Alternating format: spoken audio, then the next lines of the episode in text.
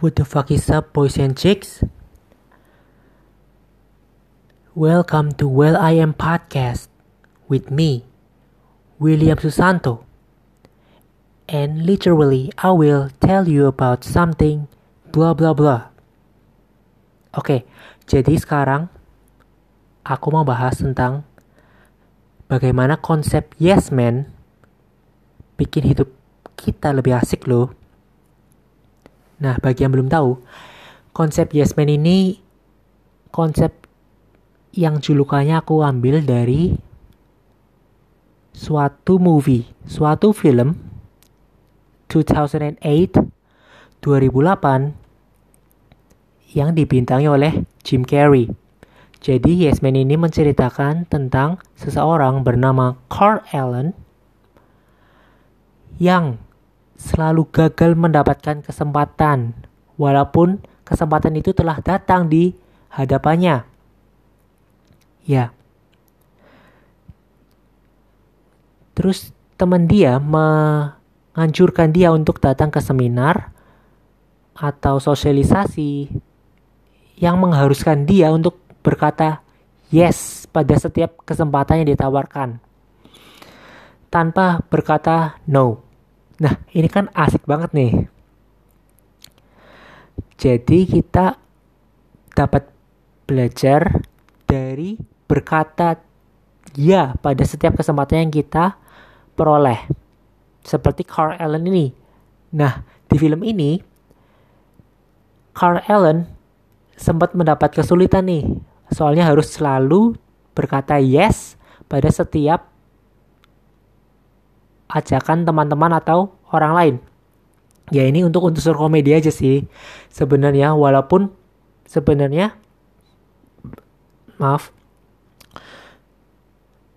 moral value-nya itu dapat banget dari sini. Bikin hidup kita lebih asik. Ya seperti yang Carl Allen alami nih. Misalnya ada grandmother. Dia suka sama Carl Allen.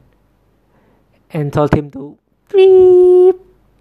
Nah, karena disuruh ngomong yes terus sama motivator tadi di suatu seminar, ya udah nih Carl Allen terpaksa harus yes walaupun apa yang dia inginkan itu bukan yes, bukan kemauan dia. Nah, tapi dari situ kita bisa belajar dari pengalaman yang dia dapat dari setiap kepahitan yang dia setujui dengan kata yes tadi. Misalnya, dia dapat belajar Korea karena dapat kesempatan untuk ditawarkan untuk belajar Korea, bahasa Korea. Nah, walaupun dia nggak berminat, tapi pada akhirnya bahasa Korea itu dapat berguna saat dia menawar harga dengan kasir orang Korea. Jadi sebenarnya kesempatan yang kita dapat itu it's not what we want, but maybe it's what we need. Ya dari sini aku mau kata kata ini menjadi acuan buat kalian nih boys and chicks yaitu kata-kata a yes man because that's what makes your life colorful. Jadi being a yes man bikin hidup kalian lebih asik. Ya gimana? Contohnya itu aku ceritain pengalaman ya pengalaman diri sendiri individu pribadi. Dulu semester 1 dan 2 aku ambis. Ya aku akuin aku nggak ikut yang namanya organisasi itu bahkan terjadi sebelum kuliah.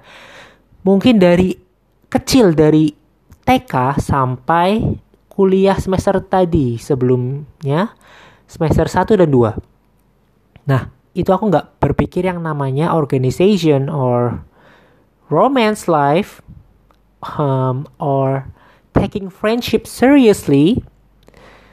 Jadi aku emang lebih fokus ke pelajaran tadi atau keluarga karena ya nanti aku ceritain terpisah ya tentang betapa striknya aturan parentingku di zaman dulu. Nah, sekarang kita balik lagi ke topik ini. Jadi selama semester 1 dan 2, aku gak yang namanya intention untuk ikut organization. Nah, kebetulan nih, kesempatan temanku ngajak aku ikut. Padahal, you know, I feel like I'm a useless person. But he wants me to join this organization to make me more ab- uh, to make me being able to experience more than just be than just being an ambis. So, jadi aku yain aja tuh. Ya ini bukan konsep yes man pada awalnya. Nah semenjak itu, aku lihat oh dari sini aku dapat teman baru. Karena sebelumnya temanku itu cuma bisa dihitung jari di suatu jurusanku ya. Setelah mengikuti organisasi ini, aku mendapat teman yang mungkin sampai sekarang itu bisa dibilang satu jurusan itu kenal ya aku. Atau aku kenal sama mereka. Walaupun gak setip teman-teman lain. Nah, kemudian libur semester 2, aku mulai berpikir. Aku mulai uh, searching nih. Yes man. Oh, ternyata ceritanya gini, plotnya gini, strategi strateginya gini. Aku mulai mikir how how uh, what if I use yes man concept in my life since semester 3 sejak third semester. Nah, kemudian aku mulai merubah pola uh, kuliahku nih. Nggak cuma pola kuliah, mungkin pola hidup sejak semester 3 ini. Dimulai dari liburan semester 2 saat aku diajak untuk mengikuti panitia inisiasi mahasiswa baru. Nah itu kan aku sebenarnya nggak tertarik tuh, tapi temanku emang ngajak.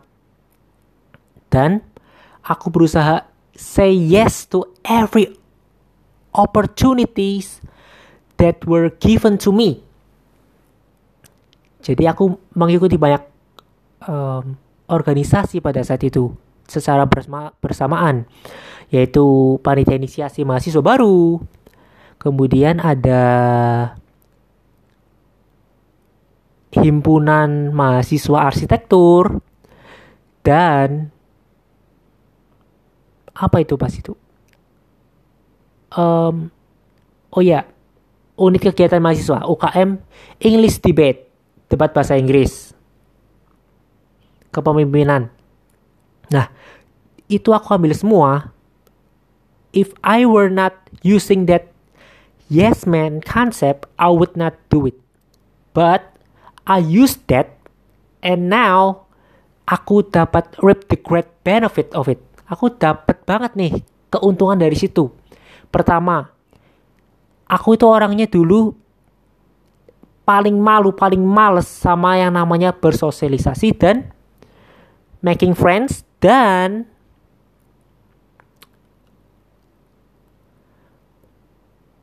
organisasi yang membutuhkan banyak ngomong dan kepemimpinan. Sejak itu, walaupun intentionku nggak mau ikut tiga jurusan organisasi itu, semenjak kejadian tersebut, secara tidak langsung soft skill public speaking, walaupun sampai sekarang mungkin aku masih jauh di luar level mahasiswa-mahasiswa kalian ya, seperti kalian. Itu jauh berkembang. Mungkin bisa dua kali lipat lebih. Kemudian circle pertemananku bertambah. Itu juga dua kali lipat lebih. Kemudian kepemimpinanku atau cara pandang hidupku terhadap suatu disiplin berubah juga lebih diverse. Kemudian caraku melihat suatu romance atau friendship juga turut berubah menjadi lebih matang lebih dewasa, walaupun sebenarnya aku masih childish, aku akuin, at least I am being more mature than I was. Nah, dari sini aku mikir, oh, konsep yes man ini aku harus terapin nih pada setiap hal. Ya walaupun gak se ekstrim yang dilakukan Jim Carrey ya. Jadi semenjak itu, aku mulai menerapkan konsep yes man pada um, mendesain stiker, mendesain kaos, pasti itu disuruh temanku membantu. Aku yes yes aja. Kemudian aku yang dulu nggak pernah jajan ke kafe, aku yes say yes to working on cafe, working on my test. I mean, aku juga dari situ dapat pengalaman. Oh kafe gini, oh cara memesan gini, oh makanannya ini. Jadi apa yang kita peroleh dari saying yes tersebut itu walaupun misalnya itu gagal, kita tetap dapat belajar dari kegagalan tersebut. Apalagi kalau itu berhasil, kita dapat memperoleh keuntungan yang berlimpah dari kegiatan tersebut. Nah, jadi apa yang aku mau tekankan itu kamu bisa coba menjadi seorang yes man dalam setiap activity yang kamu lakuin karena secara tidak langsung dengan melakukan sesuatu yang nggak kamu pikirkan akan terjadi dalam long term atau kamu say yes untuk alasan short term itu bisa membuat kita lebih berkembang. Karena kita nggak planning itu. Kita mau organisasi ini. Kita mau organisasi itu. Jadi secara tidak sadar kemampuan kita dalam memanage waktu itu pada dasarnya bisa lebih terasah kemudian naik levelnya lagi ke memanage pertemanan, ke memanage mungkin romance, memanage uh, kedewasaan kita itu sangat-sangat terasa dari menjadi yes man. Misalnya, seperti yang aku ceritakan tadi, pengalaman itu. Jadi, kalian coba deh terapin yes man ke hidup kalian. Hmm, gak harus setiap saat kok mungkin seperti yang aku lakuin semester 3 dan 4. Semester 4 aku mulai meredup menjadi yes man karena sibuk. Ya itu suatu excuse yang bad sih karena semakin sibuk semakin banyak momen yang kita dapatkan. By the way, dengan menjadi yes man kita dapat memperoleh banyak kegiatan sehingga momen-momen kuliah yang sebenarnya kita pikir sebelumnya ah nggak usah ikut ini deh itu kalian malah dapat momen itu. Jadi ini aku bersyukur banget menjadi panitia organisasi terbesar di jurusanku. Yang sebelumnya aku I don't give a fuck, I don't care about. Karena ternyata itu menjadi pertama kalinya aku berorganisasi, pertama kalinya aku menjadi panitia, pertamanya aku mendatangi suatu konser dan menjadi malam yang unforgettable bagi aku. Soalnya, without me saying yes to it, I would never go to a concert concert faster than this because the next month is pandemic.